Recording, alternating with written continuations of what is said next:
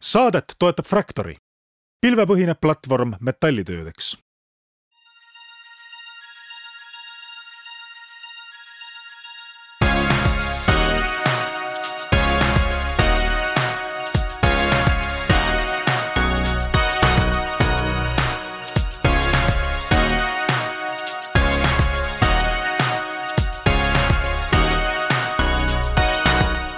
tere, head kuulajad, Restardi saade on jälle eetris sellepärast, et on kolmapäevane päev ning äh, täna on see päev aastas, kus äh, mina, Hendrik Roonemaa, olen sunnitud tegema saadet ilma Taavita, sest äh, Taavi viibib väga kehva internetiühendusega maailma osas. loodame, et ta lööb seal korra majja ja tal tuleb kindlasti viis-kuus ideed, kuidas selle asja paremaks teha, aga saade toimub ja minu tänane vestluskaaslane on Mihkel Stint, kes on sellisest suhteliselt äsja alustanud ettevõttest nagu Blurbay mis äh, monetiseerib digitaalse loomingu, nagu nad iseenda kohta kirjutavad. nii et äh, täna me siis saame teada, mis asi on esiteks digitaalne looming ja teiseks, kuidas Blurbay seda äh, monetiseerida ehk siis sinna rahanumbrid külge panna tahab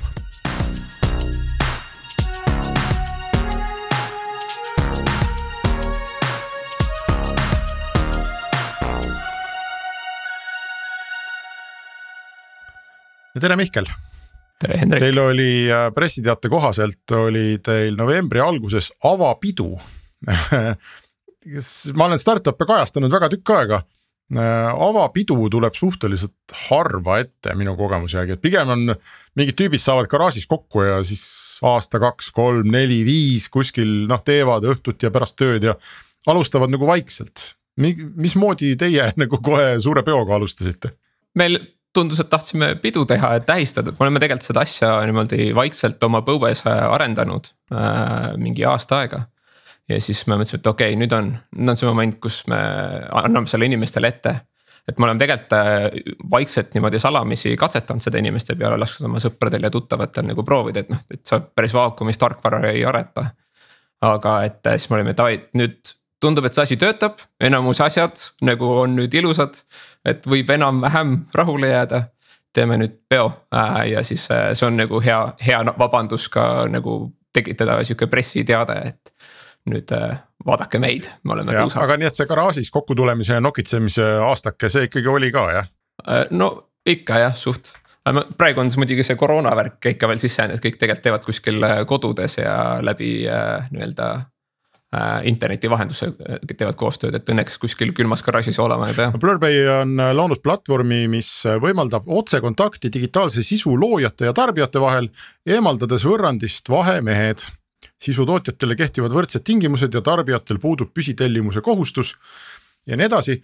Ehm, no need vahemehed mm, digitaalse sisu loojate ja tarbijate vahel on tegelikult ju üliedukad ettevõtted, Youtube on nagu vahemees ja ma ei tea, OnlyFans on nagu vahemees ja, ja mingisugused maksevahendajad on nagu vahemehed, et keda te nüüd sellest võrrandist elimineerite täpselt, kas te nagu elimineerite Youtube'i või, või midagi muud?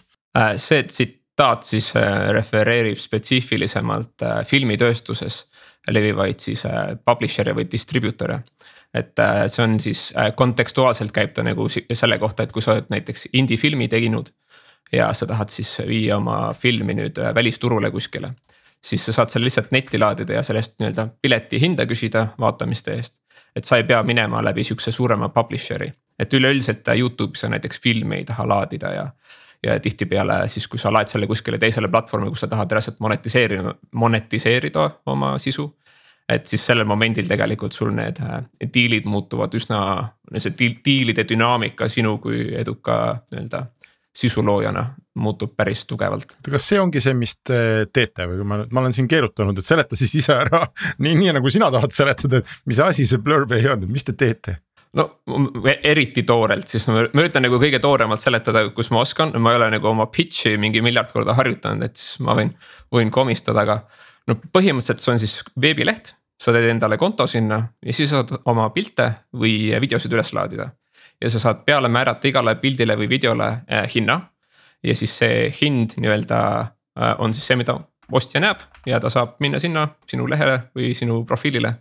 ja selle pildi ja video üles osta, et nagu üld, üld nagu see on nagu siis idee tuum aga seal on siis nagu mingid teised detailid, mis lisanduvad, et, et sa saad näiteks äh, panna ajaraamistikku, millal äh, sinu content'i on võimalik osta, et äh, kui näiteks inimesed käivad kinos, siis see on muidugi sotsiaalne kogemus, aga et kui sa tahad näiteks mingisuguseid tutorial'e müüa, tutorial on siis video, eesti keeles on see siis video, kus sa õpetad inimestele asju.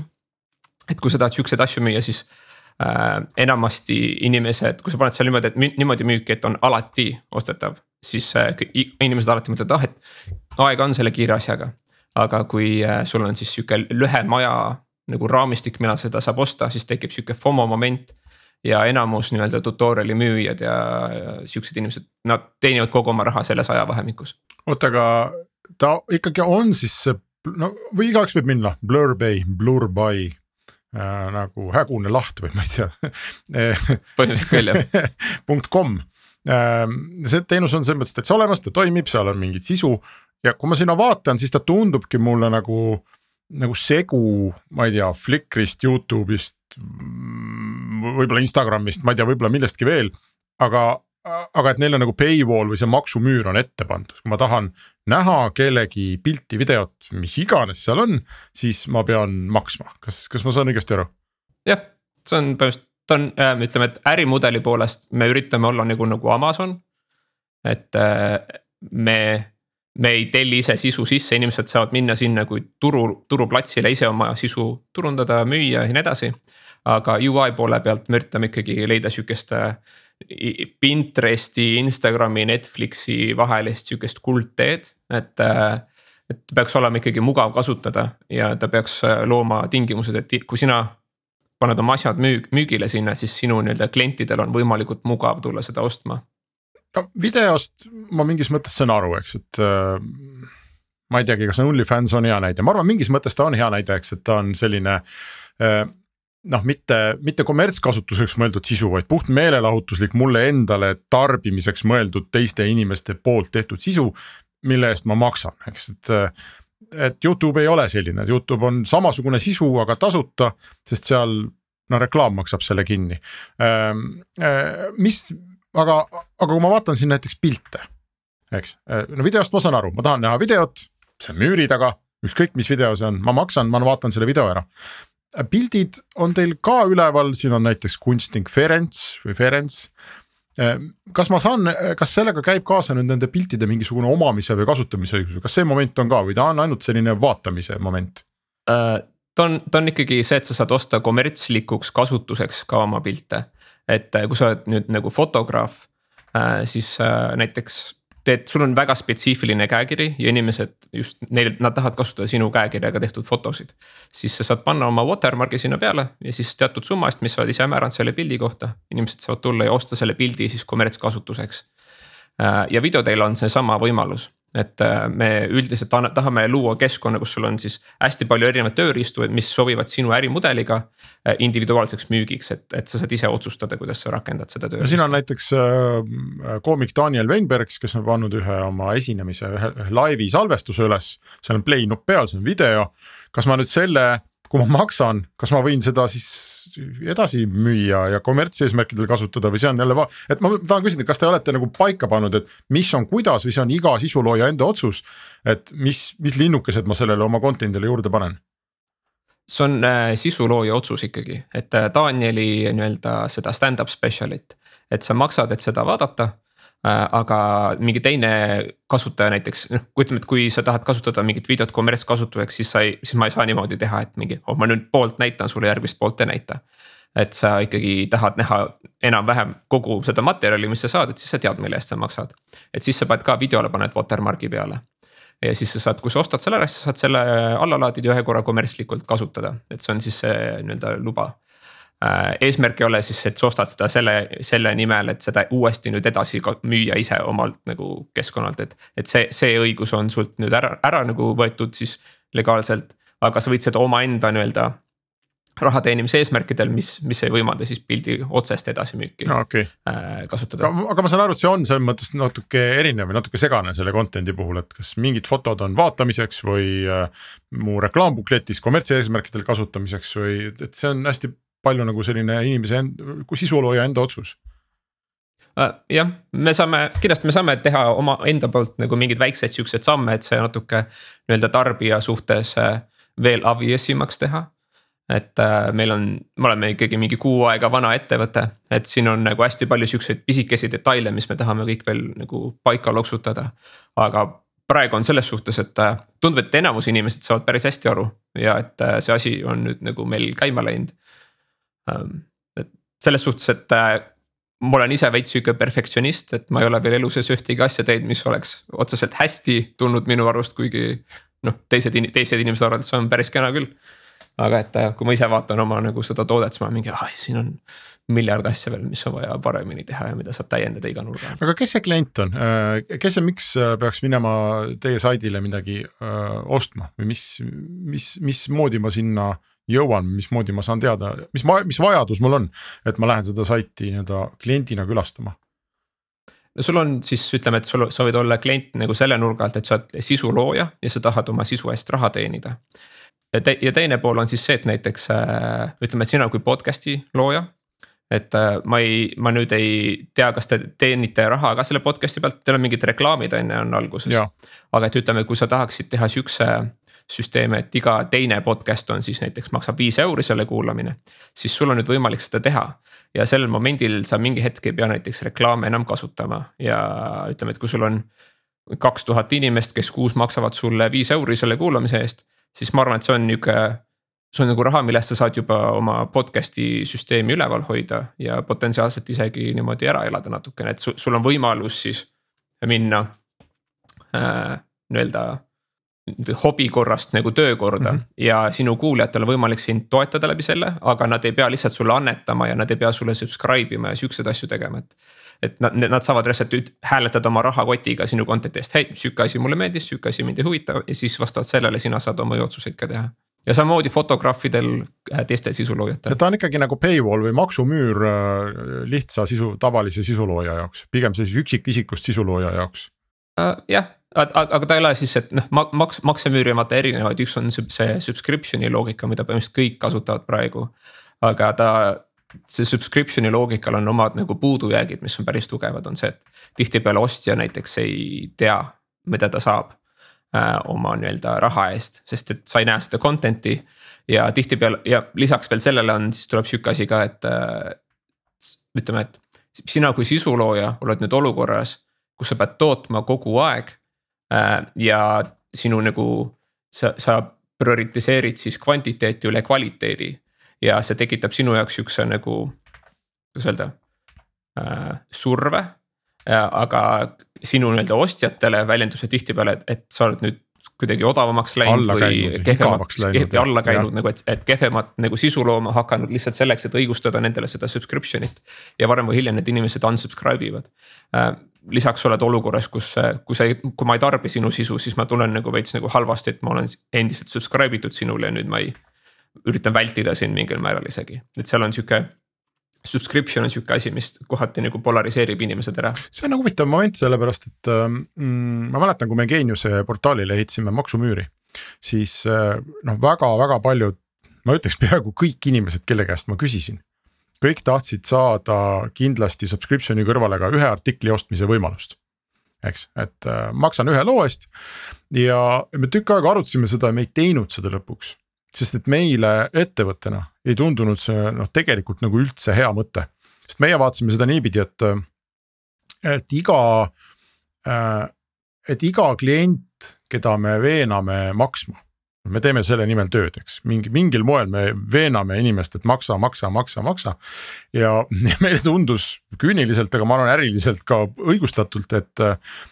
et kui me näeme nagu õudset vaeva sinuga ja me nüüd veename sind ära, siis parem oleks, kui me veename sind, kui me niikuinii peame sinuga jamama, niikuinii peame sind veenma. niikuinii me peame nüüd vastu seda äh, maksumüüri põrgatama nii kaua, kuni sul lõpuks villand saab ja sa ostad, eks sest sa kohe ei osta. et ma parem siis noh, pagan nüüd parem siis ikkagi müüme sulle selle tellimuse, mitte, mitte, et me hakkame sind ülehomme jälle veenma ja siis üle-ülehomme hakkame jälle sind veenma ja keegi lõpuks ei jaksa selle suure veenmisega tegeleda, eks. see oli meie nagu äri poolt vaadatuna ja kui ma mõtlen noh, enda kui sisulooja peale näiteks podcast'ide puhul täpselt samamoodi, et. ma õudselt tahaks, et inimesed subscribe'iks äh, podcast'i äppides mitte et nad kuulaks SoundCloudist äh, juhuslikult, eks. mulle, minu töö teeb see palju lihtsamaks kui mul on ju kuulaja nii-öelda käes, taskus ta on olemas ja ma ei pea hakkama talle järgmine nädal jälle müüma seda mõtet, vaid see on natukene lihtsam. mis on see, kuidas te jõudsite nüüd selleni, et, et just seda üksikostu nagu nii tugevalt esile tõsta?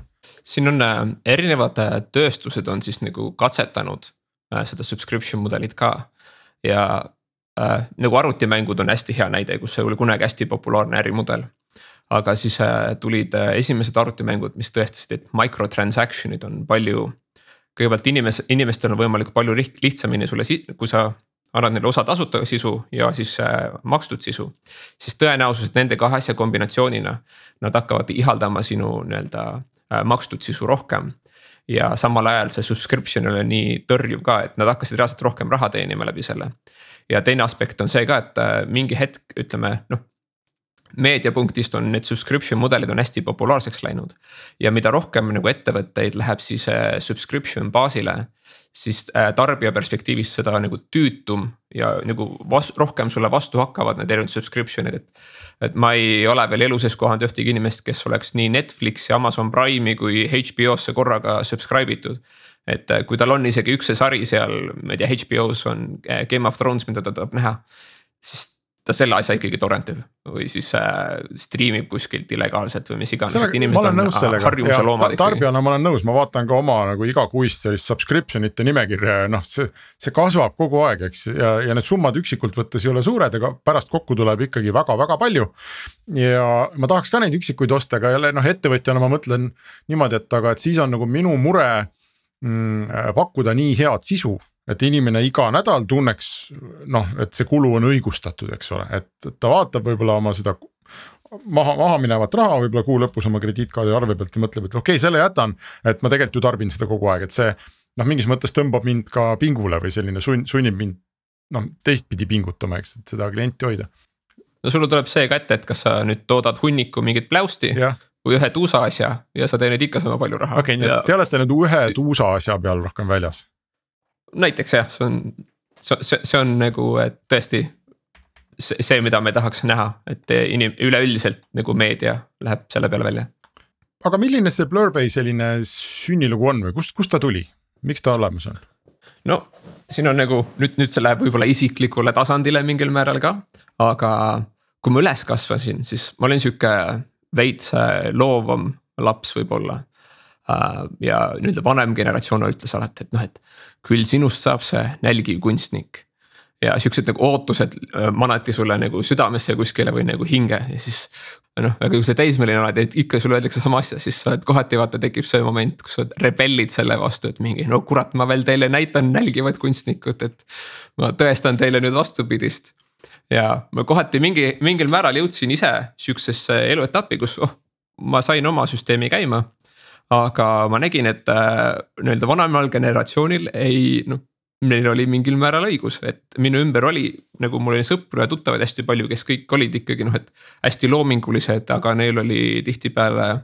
oli raskuseid oma loomingu siis äh, eest raha küsimisega või siis selle nii-öelda noh, üldse, üldse nagu enda ülevalpidamisega selle loominguga. Nad pidid leidma endale mingisugused teistsugused tööd et äh, üldse nagu elus püsida ja siis äh, kohati sa vaatasid, kuidas need muutusid nagu õnnetumaks. ja siis mul on mingi noh, et ma tahaksin, et minu ümberringi olevad inimesed oleksid õnnelikud. et äh, ja üleüldiselt võiks olla inimestel nagu loovatel inimestel võimalus või tööriistad, millega neil on võimalik jõuda kuskile keskklassi vähemalt välja. et sihukesed vahendid võiksid olla olemas. ja siis mingi hetk nüüd, see oli, ma vaatasin, meil on endal tarkvaraarendusettevõte, et noh, et peaks arendama midagi, et äh, klientidele teha asju on nagu cool, meil on hästi lahedad kliendid, meil on nagu läinud nagu hästi sellega. aga et äh, tahaks oma toodet ka teha ja siis me hakkasime arutama, et, et mis, meil on nagu siin mõned vabad ressursid, et peaks selle nüüd commit ima mingisuguse asja peale. ja me hakkasime veits äh, katsetama ja see tundus äh, nii-öelda ainuõige lahendus äh, kuidagi et meil olid kõik need inimesed ümberringi, kes vajasid sihukest asja, meil olid kõik vahendid selle loomiseks olemas. Äh, meil oli, me olime ise hästi motiveeritud selle asja suhtes. ja kui me panime selle asja inimestele näo ette, siis nad kõik olid nagu hästi rõõmsad.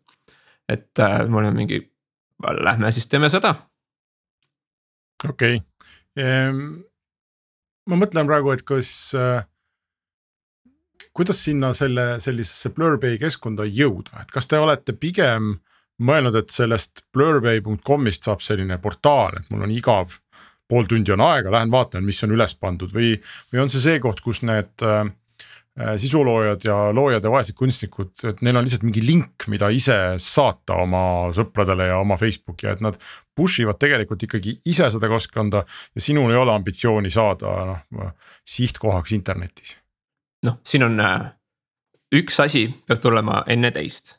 Et äh, see, kuidas sa jõuad oma suurema visioonini, siis äh, sa pead alustama ikkagi väikestest sammudest, et sinna nii-öelda jõuda. et esialgu me oleme sihuke keskkond, kus sa saad müüa ja siis sa paned selle lingi ja kutsud oma follower'e sinna sellesse keskkonda ostma oma content'i. aga tulevikus me tahame kindlasti jõuda sihukesesse kohta, kus inimesed tulevadki sinna lehele ja sihukese nii-öelda mental state'iga, et davai, nüüd ma vaatan, uurin, kogen midagi huvitavat ja tuusa. et äh, sinna, et sinna jõu-, sinna teisele etapile, kus me oleme nagu Youtube äh,, et sinna ilmselgelt sa pead ennast välja töötama, et siin on, see nagu üle, üleöö sihuke asi päris ei juhtu. ma ei tea, kas sa nägid, aga selle nädala uudised vist oli Delfis või kes kuskil kirjutati mingisugusest kuueteistaastasest noormehest, kes oli ähm, kuulsa teleseriaali Villa Äh, mida episood maksab neli või viis eurot. oli äh, nii-öelda piraatinud ja tegi mingi Telegrami kanali tasuta Villa ja, ja kuidagi pani neid episoode sinna üles ja nüüd Villa tegijad leidsid, leidsid ta vist üles ja nõuavad talt poolt miljonit krooni ähm,. kui vanasti oli see kindlasti nagu hästi suur teema, eks igasugune selline piraatlus ja, ja no muusikapiraatlus ja, ja kõik see, ma olen sellega üles kasvanud. kui tugev teema see tänapäeval on, kui palju te pidite mõtlema selle peale, et aga, et kui Äh, ma ei tea, Vaiko Eplik paneb sinna mingi kontserdi laivi üles ja küsib viis eurot, eks ole, et siis kindlasti mingid tüübid tõmbavad selle alla ja teevad mingi noh, panevad selle kuhugi üles, et kas seda koopiakaitset ja sellist kogu tehnoloogilist hookuspookust tuleb tänapäeval ehitada või see tegelikult ei ole nagu teema? see on, kuidas öelda, et äh, inimesed on üldiselt mugavad. Ähm, ja kui sa muudad nendele selle asja häkkimise või või siis äh, piraatluse mugavaks, kui see, kui üleüldse piraatlus on mugavam kui päris asja kättesaamine, siis nad piraadivad seda. aga kui neil on mugavam selle eest maksta, see on sellega kaasnevad, noh mugavusega kaasnevad nagu turvalisuse aspektid. Äh, ja sa tead ka, et sa, sinu raha läheb nagu enamus või isegi kõik see raha läheb otse sellele loojale. Siis äh, sa oled palju aldim reaalselt ostma seda sisu et äh, kohati, kui näiteks sul tuleb, ma ei tea, sinu lemmiksari, üks osa tuleb välja äh,. siis vaata, et see on ikka täiega uus sari, ma loodan, et nad teevad teise, siis see, kui sa maksad selle ühe sarja eest. siis sa tegelikult oma peas kuklas tead, et davai, see nüüd läks äh, nii-öelda sellele loojale, see signaliseerib, et nagu sa tahaksid veel seda näha.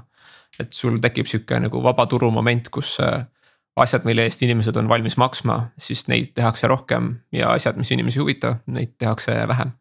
ja meil, me teeme selles suhtes ka, et, et, et sa ei saa lihtsalt right click ida kuskile property'sse minna ja asja alla laadida, et meil on kõik on serveri, serverites ikkagi, et meil on nagu query põhjal ja nii edasi.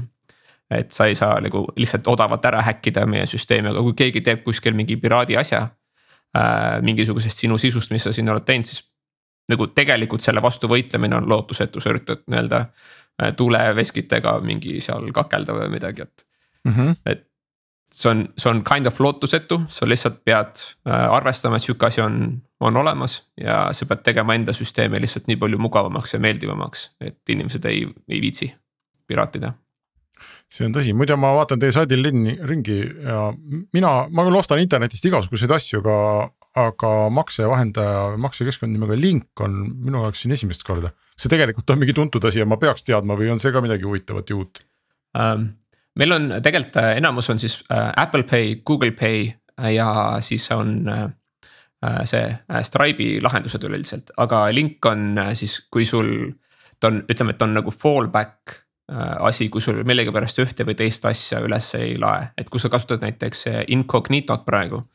Siis on tõenäosus, et. ei kasuta muide, ma olen täitsa, aga mul on mingisugused content blocker'id on peal, jälitusvastased igasugused plugin'id, nii et võib-olla sellepärast no, siis võib-olla jah ja., aga tegelikult ta peaks sulle pakkuma siis vastavalt sellele, et kui sa oled Apple'i seadet kasutad, siis ta paneks sulle Apple Pay'd pakub.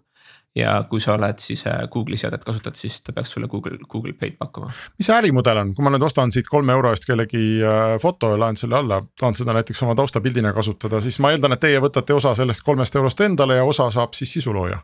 jah, põhimõtteliselt me üritame küsida nii vähe kui võimalik, et kõige nagu kolm eurot on siis miinimumhind, mis sa saad asjale juurde panna aga, ja siis kolme euro pealt me võtame kakskümmend protsenti sellest ja siis äh, nii-öelda unit economics äh, äh, töötab äh, täpselt niimoodi, et äh, me põhimõtteliselt ei teeni tegelikult väga palju tulu selle pealt, kui üldse äh,. sest et meil on nagu selle platvormi nagu hosting ja kõik need feed saavad ikkagi kaetud, aga me ei jää kahjumisse sellest ka ja kui sa oled nüüd äh, üheksa euroga müüd midagi, siis me küsime üldse viisteist protsenti hmm.. ja need protsendid, mis me võtame, muutuvad järjest väiksemaks, mida suuremaks see summa muutub. miks nii? et kui sa sa tahad olla konkureeriv ja tegelikult, äh, kui sul on võimalik vähem küsida. ja kõik su süsteemid töötavad, siis üldiselt sa võiksid vähem küsida. ma siin äh, sinu jutu taustaks võib-olla üritan osta nelja euro eest ühe loodusfoto ah,, tõesti saab Apple Pay'ga saab maksta. ja nüüd on see foto minu oma kui palju teil neid äh, selliseid, mina lihtsalt katsetasin, palju teil ostjaid on, kuidas teil läinud on selle umbes kuu ajaga, mis te äh, nii-öelda päris avalikkuse ees olete olnud um,? ma numbreid ei saa päris niimoodi avalikustada, sest et see on ärikriitiline informatsioon, aga ma saan anda veits nagu ballpark area sulle, et äh,. ta on, meil on läinud äh, meie enda üllatuseks isegi päris hästi seni ja on päris, päris palju lootust, sihuke päris hästi lootust äh, andev algus. Äh, me ei ole miljonit veel ürita-, ületanud, aga kes teab, siin äh, võib see isegi lähemale tulla järjest rohkem. sa mõtled miljonit mida, miljonit allalaadimist, miljonit äh, käivet mil,? miljonit kasutajat siis, kes maksaks. miljonit kasutajat? Jah, me ei ole veel seal, ma lihtsalt mainin. ja, ja, ja ega ma mõtlen, see on väga huvitav suurusjärk nagu, et äh, ma oleks pigem no, pakkunud äh, kolm tuhat praegu puusalt mingil lihtsalt lakke vaadates. ta on rohkem, ma nii palju saan ütelda et see on, see on rohkem. kas te olete Eesti keskne või kui, kui palju te olete äh, välismaale jõudnud laieneda või kus te, ma arvan, et vaata see Blurbay on selline keskkond, mis võib olla eksisteerida päris jupp aega on ju, võib-olla kuu, võib-olla aasta, võib-olla isegi viis aastat ja noh, tiksub mingil tasemel, eks ta ole, on olemas, aga noh, maailma ei muuda. ja siis võib juhtuda, et järsku mingisugune subkultuur avastab selle. No umbes nagu Snapchati lugu, eks ole, et, et noh, inimesed olid selle juba lo, loojad olid enam-vähem maha matnud, tiksus oli äpi poes olemas ja järsku aastaid hiljem mingid tüübid avastasid, vau, Snapchat ja siis hakkasid kõik laadima. et selle Blurbay'ga võib minna samamoodi, et mingi seltskond noh, nagu kodustab ta enda jaoks ära. ma, ma arvan, et seda ei ole praeguseks juhtunud, aga mida sa näed, et kes, kes need kasutajad on või kus nad on? Äh, meil on siis, äh, ma saan ütelda riikide kaupa ja need on üldiselt siuksed äh, iseseisvad nii-öelda fotograafid või kunstnikud praegu. et ja üldiselt see on siis Holland, Saksamaa. meil on tegelikult ainult euromaksed. aga USA-st ostetakse päris palju ja nagu nad, nagu Ameerika kodanikud ostavad siis eurodes sisu ja noh, nüüd me peame muidugi tegema USA maksed ka, aga need on üleüldiselt, me oleme Euroopa põhised nii-öelda kasutajad. et me UK-sse ei ole meelega ennast nüüd äh, üldse push inud, sest meil GBP makseid veel ei ole. aga need tulevad ka kohe järgi ja siis tulevad äh, Austraalia dollarid ja INR, mis on siis India rupee. et me me tegime natukene sihukest turu-uuringut ja siis me vaatasime, et noh, et eurodest alustamine oli veits sihuke rumal otsus. siis me oleme kõige väiksema turu peale läinud. Et äh, oleks pidanud kohe USA dollaritesse minema ja seal nagu paugutama hakkama, aga noh, nüüd meil tuleb kohe-kohe tulevad need järgi, et äh, on äh,, läheb paremini ma vahepeal raporteerin siin, vaata üksi, kui praegu oleks Taavi, siis ta vestleks sinuga ja ma saaks rahulikult äh, alla laadida pilte, aga. ma sinu jutu taustaks sain ikkagi ühe loodusfoto alla laadida ja minu üllatuseks oli nelikümmend üks ja pool megabaiti. ehk äh, oma kolme üheksa, kolme üheksakümne üheksa eest ma sain ikkagi täie raha eest, et noh, täis selle alg suure foto, nii et väga muljetavaldav, ma nüüd pean mõtlema, mis ma teen sellega ja kuhu ma panen. kas võid välja printida, seinale panna? jah, nii suurt pilti, sellega võib mida iganes teha ähm,. kuidas te täna oma need kliendid olete leidnud, ma mõtlen, no platvormi selline võlu ja valu on selles, et sa mingis mõttes sa teenid nagu kaks korda või sul on kaks klientuuri, eks, et kõigepealt sa pead leidma need, kes panevad sulle sisu üles. ja siis sa pead leidma need, kes seda sisu ostavad.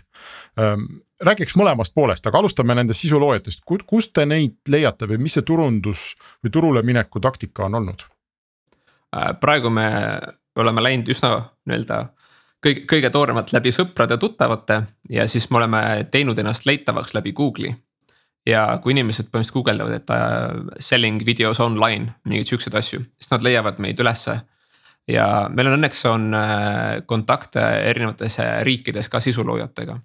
et uh, nende nii-öelda ärarääkimine on põhimõtteliselt see nii-öelda kõige, kõige võimsam meetod meie jaoks ja töötab kõige, seni kõige paremini ka ja siis nende teine pool on need ostjad ja õnneks neid me ei pea enam ise ära rääkima, et sisuloojad tihtipeale, kui neil on vähegi follower base'i, siis äh, nad toovad nad ise sinna keskkonnale, keskkonda sisse ostma. ehk siis, et äh, kui me saame nüüd mingi sihukese eriti suure tegija sinna, siis on nagu väga reaalne on väga järsku hüpata lihtsalt. et äh, aga me peame kah, et sa ei alusta vaata A-listerist, sa alustad B-listerist, kui sa B-listerit ei saa, siis sa alustad C-listerist, kui sa C-listerit ei saa, siis sa võtad D-listeri siis hakkad sealt niimoodi vaikselt üles liikuma, et. et sa ikkagi alustad nii-öelda rohujuure tasemest ja siis liigud alles kõrgemale mm. -hmm. aga tead, ütleme selliseid teadlikke samme, ma ei tea, USA turul turunduseks, reklaamiks, Indias, äh, UK-s, Euroopas, kas te olete teinud nüüd üldse midagi või ta täna ongi ikka selline word to mouth äh, tüüpi turundus? Ähm, ta on noh, esimesed kuu aega on olnud ta siis äh, word to mouth väga suures osas aga meil on nüüd, noh ma nagu väga palju sellest rääkida ei saa, aga et meil on mõned läbirääkimised olnud USA nii-öelda suuremate, kuidas öelda, distribuutoritega, kellel ei ole oma striimimisplatvormi vaata üldiselt Netflix ja siis Disney on vaata siuksed suuremad ja Amazon Prime on siuksed striimimisplatvormid. aga sul on terve hunnik siukseid äh, producer eid, kes siis noh, ma ei tea, Universal, Twentieth Century Fox ja nii edasi Miramax ja MGM. et äh, nendel ei ole oma striimimisplatvormi ja striimimisplatvormiga tulevad kaasas hästi palju niuksed äh, äh, võlusid, aga ka hästi suured kulud äh, äh, nii-öelda Disneyle ja, ja, ja Netflixile ja nii edasi. et siis me oleme hakanud äh, nende algatusel kusjuures läbirääkimise äh, nende kaasamisega enda platvormile. et äh, nüüd me lähme tulevase aasta jaanuaris või veebruari alguses lähme reaalselt LA-sse nendega läbi rääkima, et nad on veits nagu. Väga positiivne on näha, et nad on ise, ise push ima hakanud seda nende otsast, et me olime, olime alguses väga skeptilised, et keegi sihuke nagu tahab meiega ühendust võtta, siis me mingi oh,, tundub, et see on päris. kust, kust nad leidsid teid? Äh, läbi ühendust jälle, et meil on äh, üks äh, osanik põhimõtteliselt on rahastanud eelnevalt mingeid suuremaid Hollywoodi filme ja siis ta lihtsalt näitas seda paarile sõbrale ja nad olid mingi uh, what et äh, räägi rohkem ja siis nüüd on mingid, nüüd te peate tulema meie mingite inimestega rääkima ja tutvustama seda toodet. oota, sa mõtled, üks teie osanik on? jah ahah, tegelikult ma arvan, see on heagi koht, kus, kus me siis võiksime rääkida, kes te olete. mulle tundub, see inimene, kes on rahastanud suuri Hollywoodi filme, tundub kõige huvitavam, et, et. kas see on mingi keegi inimene, kellest me peaksime teadma ja kes on Eestis nagu tuntud või? Äh,. ei, ta ei ole üldiselt Eestis tuntud, et äh, me oleme ise. aga, aga te olete mõtelnud, kas see taust on Eesti või teie taust on äh, üle maailma? meil on nagu suht äh, segamini praegu, äh, enamus meist on ikkagi eestlased ähm,. ma olen siis nii-öelda tegevjuht ähm,. aga meil on tegelikult äh,, me alustasime siis äh, kolmekesi äh,, kolme asutajaga ja siis äh, me oleme kaasanud nii-öelda äh, siukseid eraisikuid sinna juurde, kellel on äh, huvitavat väärtust pakkuda, et äh, võib-olla noh, rahastusse nagu pivot ida seda vestlust. Äh, põhimõtteliselt me, me oleme pre-seed round'is, et me oleme suht nagu erarahastusega kogu selle asja teinud ja me alustasime üldse niimoodi, et meil oli oma teisest ettevõttest nii-öelda kasum. ja siis me hakkasime sellest äh, seda asja ehitama. et omaenda rahadest ja asjadest, aga jah, meil on siis üks sihuke ta üks, üks, üks, nii-öelda üks neljast kõige suuremast omanikust, siis tal on äh, värbamisettevõte ja ta on hästi palju, ta on niisugune globaalne värbamisettevõte. Äh, ja siis ta on oma suured nagu rahad sealt teeninud. ja siis ta on äh, löönud nii-öelda kaasa erinevates teistes projektides, aga ta ei ole nagu mingi kuulus inimene, kui sa nii-öelda, kui ma ütlen nime, siis ta. no aga ütle ära, me oleme siin juba rääkinud väga pikalt. Toomas on üks tüüp, ta on leedukas tegelikult. ahah, okei okay. mm. -hmm ja teie siis nii-öelda tegijate taust on, see on nagu Skype'i lugu või et on progejad poisid tegid, tegid teenust? põhimõtteliselt nohikud kuskil, kuskil kuudis jah ehm, ma ei tea, kui suureks see asi võib minna, ma, ma usun, et te enne seda tegemist ja nüüd kogu selle protsessi ajal olete ju maailmas ringi vaadanud, et. Et kui ma olen sisulooja ja tahan seda kuhugi maksumüüri taha panna, et kas tõesti siis ei ole mingit normaalset teenust, see teie teenusele peale vaadates, ta näeb väga ilus välja, aga noh, tegemist on ju lihtsa asjaga, eks, et see veebisait, kuhu laed üles äh, sisu ja pannakse krediitkaardi makse külge. see ei tundu mingi raketiteadus, kas tõesti ei ole ja kas tõesti on võimalik sellist asja suureks teha? no ütleme nii, et, et, et, et asi saaks lihtne olla, sa pead päris palju mõtlema selleks, et seda lihtsaks teha. Äh, seal on äh, erinevad asjad, näiteks kui sa laed videot üles, et kuidas see siis võimalikult kiiresti üles laeks, kuidas sa kompresseerid selle, et erinevad inimesed saaksid seda vaadata. et pilt näeks ilus välja, et seal on, ütleme, et seal need tehnilised detailid tegelikult on äh, päris detailsed, lisaks äh, nii-öelda maksesüsteemide äraühendamine detailselt ja.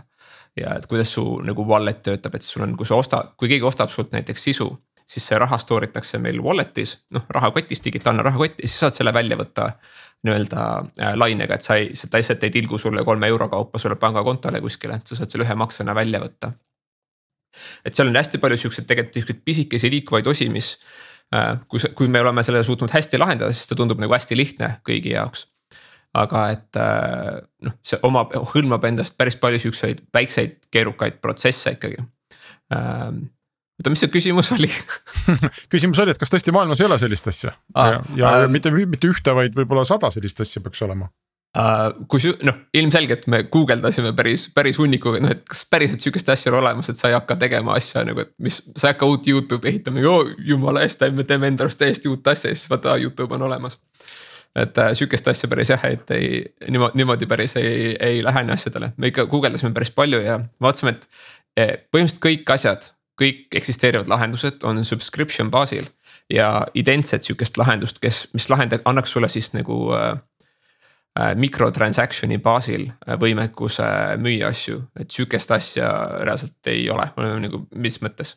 et see on nagu ju ilmselge asi, mida teha.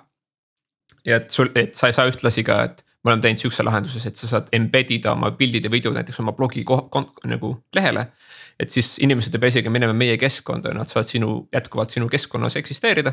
ja saad selle makse ära teha, et äh, meie eesmärk on nagu pakkuda seda tööriistana, mis muudaks sinu e-, elu loojana võimalikult äh, efektiivseks siis. nii et kui ma olen näiteks uudistesait. mul hakkas praegu hammasrattad hakkasid peas keerlema, ma võin teha tasuta uudistesaidi. kus artiklid on tasuta, aga piltide vaatamine maksab raha. näiteks.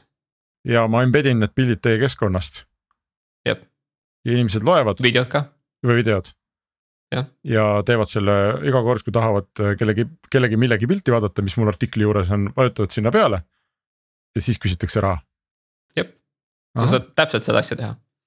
okei okay,, no näed et kui sa tahad seda teha, siis nagu tere tulemast meie kliendiks jah, just ähm, tegelikult see on väga selline huvitav, äh, huvitav lugu, mida sa räägid, et et ma, et ma, kaks asja, mis, mis võib-olla on sellised, ma ei tea, kas punased või mis värvi lipukesed äh,, alustame ühest, väga tihti sellised teenused äh, tõmbavad endale ligi äh, igasugu täiskasvanute sisu. Et tundub, et täiskasvanute sisu tegijatel on kohe nina selliste asjade peale, eks ja siis, siis see on noh keskkonna omaniku jaoks on see alati nagu huvitav küsimus, et kas ma võtan vastu need suured rahakotid, mis sealt tulevad ilma riieteta või ma ikkagi ütlen, et oi-oi, meie keskkonnal on mingid standardid, eks, et me teid ei võta. kas te olete pidanud juba sellele mõtlema ja, või kuidas te sellele mõtlete um,? ma, ütleme siis niimoodi, et äh, kõigepealt need keskkonnad on, mis teevad seda päris hästi, on juba olemas, ehk siis nagu, kui sa mõtled nagu ärilisest perspektiivist uh,. sul ei ole mõtet minna nendega konkureerima, sest ja ütleme, et looja poole pealt sa mõtled ka, et noh, et sul on juba sellised keskkonnad on ka olemas, miks sa peaksid nagu siis nagu uut valima ja siis samal ajal ütleme, et sina kui Hendrik, äh, kes omab podcast'i, et, et kas sa laeksid äh, oma podcast'i ülesse näiteks OnlyFansi. ei laeks, seda ma räägingi jah, aga sina no, kui. Äh, Mihkel, kes teeb sellist natukene tudisevatel jalgadel alustavat nõrgukest teenust, eks ole, keegi tuleb, ütleb, et siin on sada tuhat MRR-i, et tahad või ei taha. no sul peab ikka päris julgus olema, et sa ütled, et kuule, ma ei taha pange riided Äh. selga tulge tagasi üldiselt igas lauas uh,, igas nagu negotiation table'is on parim olla siis, kui sa ei pea seal olema, et kui sul on võime sealt ära kõndida. et täna me oleme nii-öelda päris hästi sihukeses kohas, kus me ei pea sihukest diili vastu võtma. ja meie nii-öelda, kui me läheksime sellesse suunda, siis see tähendab, et me paneksime kõik teised uksed kinni. et me pigem ise ei soovi sinna suunda minna. Me teadlikult veel kure-, oleme otsustanud, et me kureerime oma sisu ka äh, vastavalt. et äh, me üleüldiselt vaata, siin on sihuke noh, et sul on hästi palju erinevaid nagu äh, nii-öelda lõkse, kuhu sa saad potentsiaalselt sisse astuda sellise ettevõttega. et sa muidugi pead kõik need äh, enda jaoks nagu läbi mõtlema, kuidas sa käitud, mis siis, kui X, mis siis, kui Y, et sa pead kõik need nagu läbi arutama, okei okay,, et kuidas sa käitud. Ja kuidas sa valid pooli mingisuguses olukorras, kus kahe osapoole vahel on mingi jõhker vaidlus ja nii edasi, et. et sa pead kõik siuksed nagu protsessid enda jaoks läbi mõtlema, et ja siis kommunikeerima neid äh, efektiivselt ka okay., see oli nagu hästi sihuke hall tekst, vaata ma ei tea, kas diplomaatiline sa vastus. said oma vastuse kätte. jah, ma vaatasin vahepeal siiamaani on kõigil riided seljas, kes teie saidil on. aga muidugi mingi hetk ma arvan, et sa oled sunnitud sinna tegema üldse kategooriat, sest täna on see lihtsalt noh, sisu kõik ühes kohas, võta. Aga mingit oleme- sortimise võimalust ju ei ole, eks. mul on, mul see, see oleks nagu lihtsalt äh, fun ka, et siis sul on, sind huvitavad vaata mingisugused omad teemad. ja siis sa saad minna just seda oma huvitavat teemat äh, vaatama Jah, jah. ja potentsiaalselt isegi teha mingi sihuke hästi tark algoritm, mis juba teab sind kui Hendrikut spetsiifiliselt ja annab, näitab sulle täpselt seda asja, mis sind just huvitab. ja mis nagu meie võlu on veel selle sellises olukorras lisaks on, et vaata net, ütleme, et Instagram on sihuke keskkond, kus iga, kui sa scroll'id alla, iga neljas postitus on reklaam mm. -hmm. siis kuna meil äh, ei ole vajadust äh, reklaamiga raha teenida. Kuna me teenime raha siis microtransaction ite pealt, kui keegi teeb, päriselt ostab midagi, siis me saame põhimõtteliselt luua sulle feed'i, kus sa näed ainult asju, mida sa päriselt follow'd äh, ja reklaami vahepeal ei näe. väga jär- järjekordne hea mõte sotsiaalvõrgustikuks ähm,. Teine asi, see on, see on sihuke noh, et nüüd, nüüd on see, et kas nad räägivad, et pivotivad juba sotsiaalmeediaks või ja, midagi. ja, jah, et see on äh, nagu äh, noor Eesti kokk, kui sa restorani lähed, kui on noor kokk, siis ta on kõik toidud, mis ta on tahtnud teha, paneb ühte toitu kokku. Ja- ja mida vanemaks ta saab, seda vähem neid äh, komponente seal taldrikul on, eks ole, ja lõpuks on lihtsalt üks porgand. aga see on perfektne porgand, te olete veel selles algusfaasis, kus see teenus on kõike ja kõigile. aga mul on tunne, et ta millalgi peab leidma selle, mis asi ta siis on ja kellele.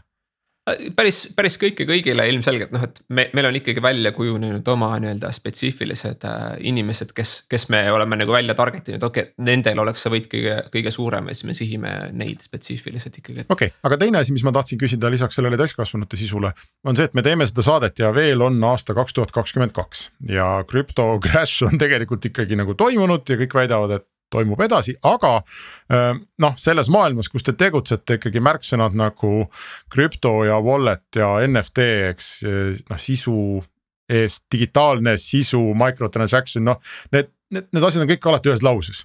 Teie juures mul on lihtsalt Apple Pay või kaardimakse Jah. kas see on teadlikult niimoodi, kas see kunagi, kas te olete mõelnud või kui palju, kuidas te mõtlete sellest krüpto NFT micro wallet'i teemast? Me oleme nagu arutanud neid asju äh,. ja me oleme võtnud kuidagi, me ei ole nagu suht nagu kivisse raiunud midagi, aga me pigem ei, ei lähe sinna suunda äh, esialgu äh,. see krüpto asi kuidagi tundub natukene veel lapse kingades, siin nüüd ma saan nii palju nagu heitereid kui vähegi võimalik, et kas siin on mingid hunnikud inimesed, kes on nagu väga, väga arvavad, et noh, NFT on tulevik ja krüpto on tulevik, et et me, me ei pane seda ust enda jaoks nagu lukku. aga esialgu meil on lihtsam mitte keskenduda sellele ähm,. meil on nagu keskendume pigem sellele, milles, milles me tahame head olla, mis on siis äh, sisu, sisuloojatele nagu lihtsate vahenditega nagu finantssüsteemid kätte anda ja esialgu see ei hõlma endas mingi krüpto ja NFT siukseid asju, et. et seal on nendega kaasnevad potentsiaalselt erinevad probleemid ka, mida siis pead lahendama hakkama nagu rahapesu ja siuksed asjad. et sa pigem nagu ta, ta paneb sulle hästi ettevõttele hästi palju riske esialgu äh,. ja need riskid siis, et neid nagu maandada, sa pead hästi palju ressursse dedikeerima nendeks ja meil on praegu on lihtsam mitte seda alustada lihtsalt.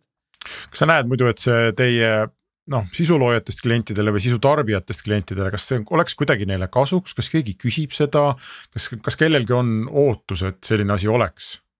meil on hästi palju äh, siukseid äh, nagu, kuidas öelda äh,, feature request'e ja krüpto ei ole veel kordagi ette tulnud. mis on, ootaks, et tuleb, aga inimesed on pigem, et oo oh,, ma tahan, et seda saaks niimoodi teha või ma tahan, et ma saaks -hmm. oma profiili customize ida niimoodi või. või teha X asju või Y asju või noh, nagu kõike muud on tulnud, aga krüpto, krüpto nagu päringuid ei ole veel ühtegi tulnud või näiteks ma tahaks, tõenäoliselt jälle, kui ma olen sisulooja, ma tahaks mingit võimalust oma klientidega äh, kuidagi ühendust pidada või teada, kes nad on, eks no praegu ma laadisin selle neljakümne ühe poole megabaidise ilusa loodusfoto. aga ma arvan, teie ei tea, kes ma olen ja seega see fotoautor ei tea, kes ma olen. ja tegelikult ma ka ise ei tea, et ma selle ostsin peale selle, et mulle anti ühe korra võimalus see alla laadida e. emailigi minu meelest keegi ei küsinud, eks ole, et noh, see oli lihtsalt ah,. sul tegelikult, kui sa teed Google või Apple Pay, siis eh, me saame sinu eh, emaili ja sinu emailiga seostatakse see ost ära, sul peaks tulema tegelikult emaili peale oleks tulnud sul link ka, et sa hiljem saad. Äh, kuule, näed, siis... ma olen äh, teinud korralikult saadet ja mitte vaadanud, aga kas tõesti Apple annab kaasa minu päris emaili või? jah, ta annab sulle selle, mille, millega sa oled seda seostanud äh,. aga sa pead nagu jälgima hästi siukseid äh, spetsiifilisi reegleid äh, selle nagu rakendamisel. et me põhimõtteliselt saame sulle nagu saame seda kasutada ainult selleks, et siis sinu ost sulle anda aga me ei saa seda näiteks turundamiseks no, rakendada ega midagi. mõtlesin, et äh, küsin olulise küsimuse, aga küsimus on juba lahendatud, nii et äh, päevakorrast maas. Äh, aga, aga see ikkagi jääb, et kas, kas see sisu müüja, kas see foto autor sai ka teada, et mina, henrik.roonemaa.gmail.com ostis talt selle foto äh,? ei, ta siis ei, tema ei, tema ei tea, kes see ostja oli ähm,. üleüldiselt vaata seal, seal on ka, et sa, sa pead andmekaitse nii-öelda seadused kohati panevad sulle reeglid paika, mida sa saad ja mida sa ei saa teha mm. -hmm. näiteks me saame sind kuvada kui nii-öelda anonüümset mingisugust nagu entity't äh,. kes tegi sellises ajavahemikus sellise ostu äh,, me saame võib-olla ütelda riigi äh,. ja mingi siukse nii-öelda, kas, kas sa tulid sotsiaalmeediast või kuskilt äh, guugeldades leidsid selle sisu. aga me ei saa nagu sinu kohta isiklikult, isiklikku informatsiooni kellelegi avaldada mm. -hmm. no ma lihtsalt, ma ikka kurgitsen sel kallal, sest mul on see enda väga pikk sisulooja kogemus ja noh, iga. iga keharakuke minust ütleb, et ma nii õudselt tahaks, et minu kliendid, et ma teaks nendest midagi või et see. selline recurring või, või noh, ta ei pea olema subscription, aga ma tahan midagigi saada, eks, kui ma olen juba vaeva näinud ja leidnud inimesi, kes ostab mult selle foto, et ma noh, midagi nagu tahaks, et päris nii ei taha, et, et mingi tüüp jalutab mööda, viskas raha, läks minema. aga, aga ma arvan, et nagu sa ütlesid, feature request'e on teil palju ja analüütika on sihuke asi, mis me oleme nagu, see on nagu, me peame seda kindlasti täiendama, et meil on hästi sihuke. noh, me, me anname sulle nagu mingi sihukese lihtsa informatsiooni iga ostu kohta. aga me ei saa sulle ütelda, kes see isik on ja nii edasi, et. et see, see, selles osas noh, mingil määral on jah käed seotud, aga me oleme teadlikud, et see on nagu üks asi, mida on jah juba küsitud ka, et kas tee seda, tee seda, rohkem seda et mis iganes aitab sul tegelikult äh, rohkem paremini müüa sisu, siis see on nagu üldiselt prioriteet meie jaoks. et kui see on kasulik sinule, et see on kasulik meile kui tõsiselt te seda projekti võtate, no siis te alustasite nii-öelda teise firma baasilt, eks ole, tegelikult on mingi toimiv tarkvara kirjutamise teenus kõrval olemas. kas te tegelete või sina tegeled, kui palju on seda rahvast, kes sellega ööd ja päevad tegelevad, kas te olete jätnud oma muu töö või see on täna veel sellise nagu kõrvalprojekti äh, faasis, mis asi see Blurbay on? ta algas kunagi üsna sihukese kõrvalprojektina. Aga nüüd ta on jõudnud sihukesesse faasi, kus meil on äh, seitse inimest äh, teevad täiskohaga seda. Äh, ja siis meil on, meil on lisaks veel mõned inimesed, keda me nii-öelda, kes käivad nagu teevad vastavalt nagu mingisugustele spetsi-, spetsiifilistele ülesannetele. et keegi näiteks on ülihea lahendama näiteks kompressiooniga seonduvaid nii-öelda tehnilisi probleeme mm, -hmm. siis me kutsume tema sisse, meil ei ole teda mõistlik kogu aeg hoida palgal, sest et see ei ole lihtsalt efektiivne. aga me kutsume ta sisse äh, projekti spetsiifiliselt seda lahendama ja siis äh, ta saab minna ja oma teisi asju edasi teha. et me üritame ikkagi, kuna see on vaata omaenda rahadest suures osas ehitatud, siis me ikkagi üritame olla võimalikult efektiivsed. ja et äh, iga, iga euro peaks äh, tooma päris palju nii-öelda tulemusi meie jaoks nii, aga väga hea, meie saateaeg on läbi ja äh, blurbay.com tuletame siis meelde. Nii sisuloojad kui inimesed, kellele meeldib sisu tarbida võivad minna vaatama, teenus on püsti, jookseb ja asju saab osta. külaline täna oli Mihkel Stint, kes on siis Blurbay tegevjuht ja kaasasutaja ning Restart tänab kõiki ja me oleme eetris jälle nädala aja pärast, nii et kuulmiseni